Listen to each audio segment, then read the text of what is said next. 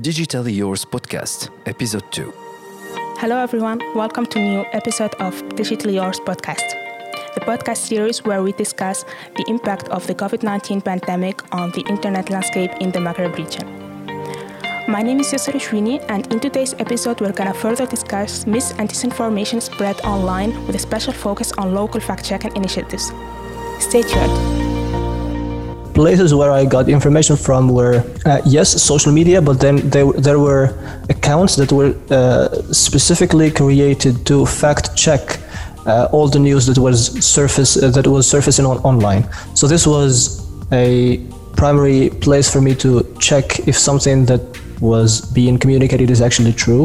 And the reason why I uh, took vocation in these social platforms is because I know some of the people behind it and it gave me some sort of credibility. Uh, and so I thought uh, it was the right place to seek information. This was Ayman El Hashi, a civil society activist from Morocco. Just like Ayman, many Maghrebians relied on official sources and local fact checking initiatives to double check the information. Delivering content in local languages, personal reputations, and deep knowledge with the local context. All these factors help these initiatives build trust with their target audience. Um, at the beginning, it was chaos. Um, like you didn't know what where to take uh, information from. Um, uh, like some bodies in my government I didn't know exist, like the national CDC. Um, uh, was trying to become active and like try to be the the vocal point of information uh, regarding COVID-19. So at the beginning, it was like uh, in a national level, um, there was a little bit of chaos on where getting information. Sometimes the Ministry of uh, uh Health gets uh, shares something, and then CDC shares something might can be contradicting.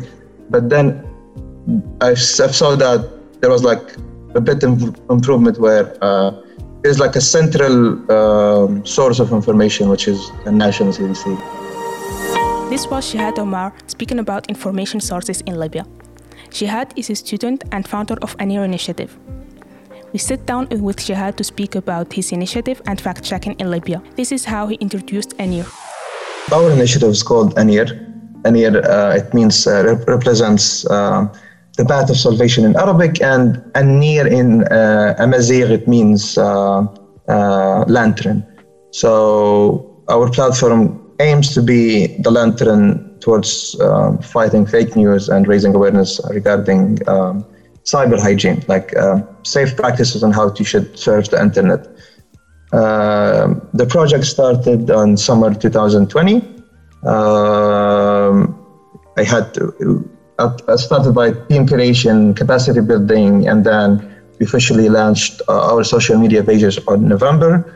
And now we are uh, launching our website next week. Um, so basically, we have two pillars. We are fact checking information.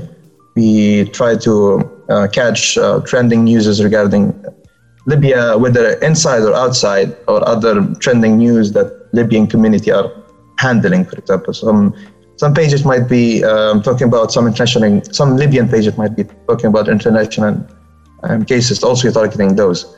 Uh, but mainly focusing on news that affects the Libyan uh, the basic rights and needs for the Libyan citizen, such as access to education, access to uh, food, um, gas, fuel, security. So we are trying to uh, target those kind of news. And then the other phase is basically raising awareness and practices how you should also yourself. You could anyone on internet can be responsible. Like they could uh, fact check themselves, like uh, their tools online. This kind of a mindset that you should we try to implement those uh, this kind of mindset where you, where whenever you see something online, you try to verify the source. Um, you try to like um, try to be objective in reading it, not taking a side, and consider what would happen if you share this kind of news and it uh, and then it turns out to be fake. Um, so we, we, raise awareness and we fact check at the same. And why you started Anir? Basically, um, situation in Libya is very very fragile. Um, so the security situation is not stable. Um, um, there is tension between uh, groups of people, um, like you know, um, cities to another because of the civil war. Um, because of that, uh, fake news can be very volatile. Um, could um, increase the tension between cities. Uh, it could also uh, tense the, the, the civil war, and that was like very significant in the past few years of Libya. Uh, fake news was, was like one of um, uh, big factors when it comes to increasing the volatility of situations. Uh, so I've seen this evident uh, when I came back to Libya. Um, for example, it was like pieces of fake news regarding uh, electricity. Like the one time there was like a, a fake news saying that um, electricity will go out for a week, 24 hours for a, for a whole week, just for maintenance. Uh, so that piece of content like has made it uh, its its way in the Libyan community. Thousands of shares, thousands of comments. A lot of people are concerned. Uh, people are lining up on uh, markets, uh, lining up on um, um uh, what do you call it, gas gas stations to fill their cars because they were concerned about the, that piece of news that might affect their lives for the next week. So, and also content regarding security, like saying that there is a an armed conflict in an area, but then in fact there's nothing. And so those kind of news are starting to become sensitive um, in regards of um, maintaining the cohesion of the Libyan society. So there's some there, there gotta be something to be done to um, to like spot, like catch those fake news and put it in public. Say, hey, this is not true. Shouldn't believe this. And also, there's a big need to raise awareness and how people should uh, fact check themselves, um, not just getting um, uh, like the fact check information from internet saying this is right, this is wrong. You should also know how to do it by yourself. So we try to promote this uh, mindset of being skepticist about um, everything you read online, not trusted from the, not shared it from the first. So Shihad, you told me about this survey you conducted. Tell our audience more about the findings. We actually run a survey. Uh, we were targeting 2,000 people. Uh, before the survey, I was anticipating the results will be on Facebook mainly because uh, most of uh, Libyans use Facebook. Uh, so basically, 65% of people said uh, they take their news from social media. 99 people, 99% of the people surveyed, they said that social media are a source of misinformation. And um, uh, so when we ask, ask them to rank uh, where where is um, like what are the most um, places where they get uh, fake news, um, they ranked it most. So the, the, rank was Facebook pages, followed by Facebook accounts, Facebook groups, um, Twitter accounts, and then group group chats on WhatsApp, Viber, and Messenger. And what was the content about?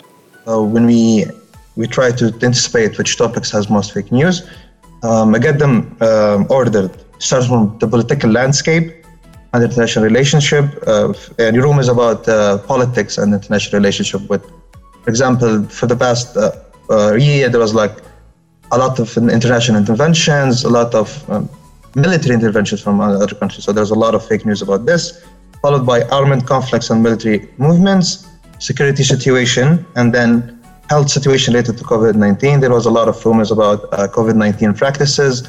A lot of people say um, alternative medicine. They would say like take uh, uh, that will be prevent you from uh, prevent you from catching corona.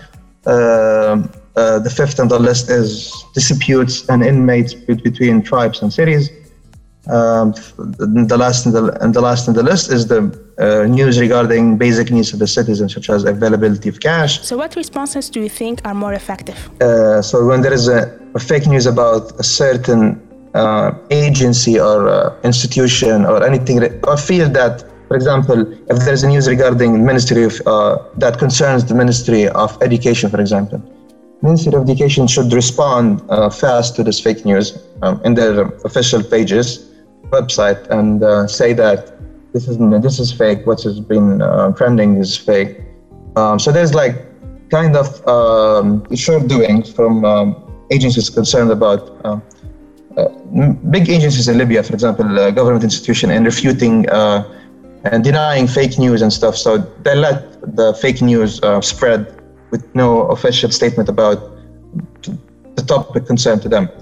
Um, so there's this uh, this gap to fill. Um, the responsibility of uh, related uh, concerned um, uh, organization to whether it's governmental or a business or uh, even civil society organizations, um, if they're concerned about if they like their field is related to the fake news that is, is being spread, they should respond immediately to those fake news. So, like for example, the fake news could be out there for two days, three days, and there's no response from related uh, concerned uh, organizations. Um, this is one thing. The second thing I would say, um, there should be also focus from civil society regarding raising awareness in fake news in Libya. Uh, honestly, not sharing. I'm not seeing much um, uh, initiatives um, that concern about raising awareness on uh, media literacy, uh, how do you use uh, social media safe, how do you keep yourself protected from identity theft, um, those kind of stuff.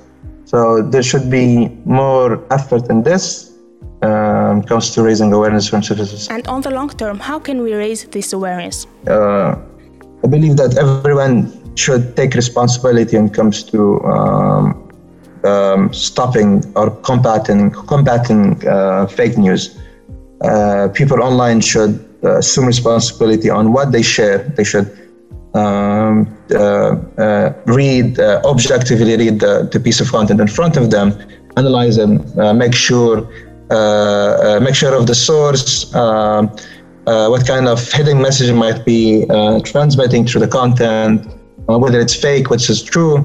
Um, everyone should take responsibility on verifying the, the authenticity of the information before they share it online. This was Shihad Omar from ANIR, a Libyan fact-checking initiative. We explored the particularities of the Libyan context and he explained to us why he felt the need to start the fact-checking initiatives, what are their goals, and how they are looking to reach their target audience. For further information on ANIR initiatives, make sure to check our show notes. You can also find summaries of our episodes in both French and Arabic. Digitally Yours podcast is a streaming HD production for THD.TN with the collaboration of the ISS Center. This work was carried out in the context of the Africa Digital Rights Fund with support of the Collaboration on International ICT Policy for East and Southern Africa. Host and senior producer Yusra Jouini, executive producer Monam Hamdi, coordinator Walid Nafati, project manager Marwan Almayed, sound engineering Ghazi Nafati, Sound design, Dorsaf Kortbi. You can find us on THG's channel on SoundCloud, Google Podcasts, Spotify, iTunes, and Anghami, or visit www.digitalyourspodcast.com.